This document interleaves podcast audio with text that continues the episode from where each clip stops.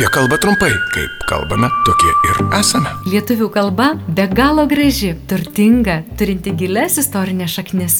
Turbūt visi sutiksime, kad verta, o gal net ir būtina ją saugoti ir puoselėti. Tačiau gyvenimas toks jau yra, kad kartais pamirštame, kartais kažko nežinome, tad prisiminti mūsų ypatingą kalbą padės trumpas laidelis apie kalbą trumpai. Kiekvieną dieną FM99 eteryje ir internete fm99.lt. O jeigu jums kyla klausimų, kaip žodžius kirčiuoti, rašyti, kaip vartoti, rašykite ir klauskite FM99 eta FM99.lt. Prie projektų finansavimo prisideda Spaudos radio ir televizijos rėmimo fondas. Labadiena, brangus FM99 klausytojai. Studijoje prie mikrofono Eglė Malinauskinė. Kalbame su lietuvių kalbos mokytoja, metodininkė Rita Lišauskinė. Labadiena, Rita. Labadiena žaidžia ar lošia sportininkai aikštelėje? Ar tai yra žaidimas, ar rungtynės, ar varžybos? Kaip nepasimesti tose situacijose? Lošti ir žaisti. Lošimas, žaidimas, mm, šie žodžiai tam tikrais atvejais gali reikšti visiškai tą patį. Svarbu žiūrėti į bendrą kontekstą.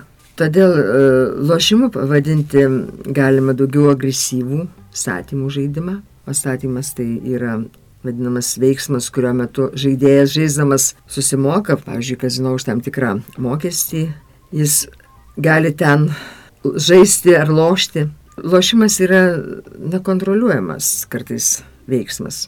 O pavyzdžiui, žaisti tai yra pasismaginimo, pramogos veiksmas. Ir vaikai žaidžia kieme, sporto žaidimai. Galima žaisti ir nesargiai elgtis, galima žaisti su ugnimi, Gali būti ir žodžių žaidimas, beprasme kartais yra kalba. Galima žaisti ir krepšinį, ir futbolą, ir žaidėjai, gali būti ir prie šachmatų lentos. Tai va tokie yra žaidimas arba lošimas. Mhm. O jeigu varžybos ar rungtynės, reikėtų žinoti, kad varžybos tai yra sportininkų, klubų, komandų varžymasis, rungtyniavimas. Varžybos gali tai būti ir sportinių žaidimų varžybos, kada keliolika ar keliasdešimt rungtynių ir kurias sužaisti reikia ilgesnio laiko, ne vienos dienos. Daroma klaidų, kada pasakoma, vakar buvo sužaistos penkerios varžybos. Tai reikėtų rungtynės. Varžybų pabaigoje, rungtynių pabaigoje. Taigi rungtynės tai yra viena dviejų žaidėjų arba komandų sportinė kova pagal to žaidimo taisyklės jinai vyksta ir e, nustatyti, kas yra pranašesnis. Ar varžybomis galima būtų pavadinti, na sakykime, kai tarpusavį žmonės varžosi dėl, na gal jau čia net nebūtinai dėl sporto, o gal ir dėl sporto, mhm. dviesi tarpusavį tikrai varžosi, kuris nugalės. Ar tai irgi vis dėlto yra rungtynės, jie rungėsi, nesivaržo? Gali būti ir, kaip paminėjau, rungtynės ir dviejų žaidėjų, mhm. gali būti teniso rungtynės.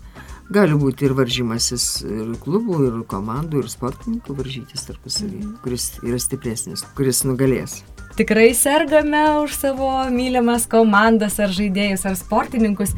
Galima mus tokius sergančius pavadinti sirgaliais? Kodėl ne? Žinoma, kad galima. Labai išgyvenam ir, ir sirgti. E, nereikia skurdinti kalbos. Tai labai gražu.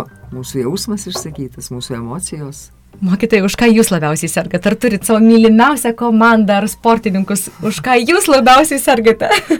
labiausiai man patinka žalgerio komanda, krepšinio žalgerio komanda. Ir tikrai, tikrai sergu. O jeigu, žinoma, yra Lietuvos komanda, tai čia jau net nėra ką ir kalbėti. Taigi sveiko sirgimo. Sveiko sirgimo.